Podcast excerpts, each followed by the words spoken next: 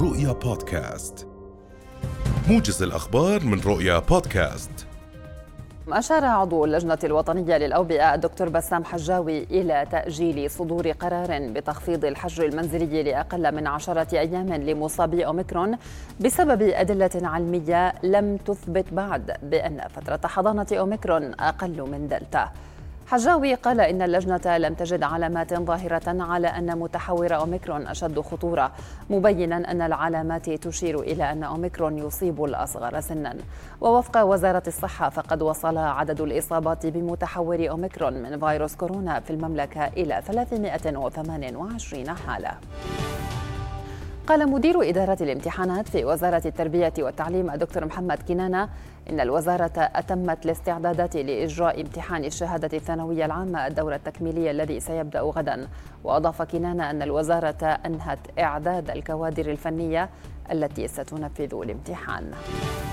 قالت الدكتورة ميسم عكروش الناطق باسم نقابة الأطباء أن النقابة لا تملك القدرة على إيقاف المخالفين وإنما تقوم بالتنسيب لقسم الرقابة في وزارة الصحة للقيام بذلك. وأضافت أنه وردت لنقابة الأطباء شكاوى حول أخطاء في عمليات التجميل والليزر مناشدة المواطنين بتجنب الذهاب للأشخاص غير المرخصين.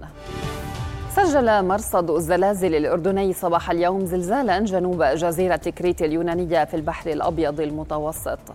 المرصد أضاف أن مركز الزلزال يبلغ عن العاصمة عمان حوالي ألف كيلومتر وبحسب المرصد فقد بلغت قوته 5.17 درجة على مقياس ريختر وعلى عمق 8 كيلومترات من بؤرة الزلزال.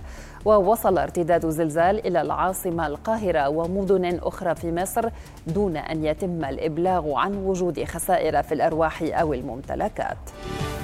داهمت قوات الاحتلال مناطق متفرقة بالضفة الغربية المحتلة والقدس المحتلة واعتقلت عددا من الفلسطينيين.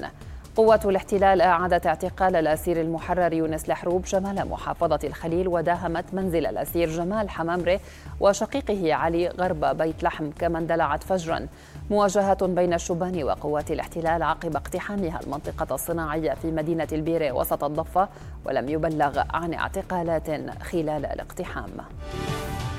قال موقع طقس العرب إن المملكة ستتأثر يومي الجمعة والسبت المقبلين بحالة من عدم الاستقرار الجوي ناتجة عن امتداد لمنخفض البحر الأحمر بالتزامن مع وجود كتلة هوائية باردة في طبقات الجو العالية شمال مصر وشرق البحر المتوسط. ومن المتوقع أن تشهد سماء المملكة انتشارا لكميات كبيرة من الغيوم وعلى ارتفاعات مختلفة تعمل على هطول زخات عشوائية من المطر يوم الجمعة مع نشاط في سرعة الرياح الجنوبية الشرقية التي قد تعمل على إثارة الأتربة والغبار.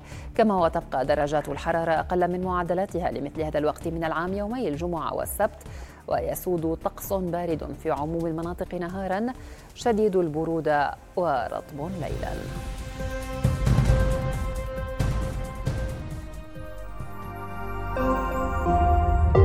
رؤيا بودكاست.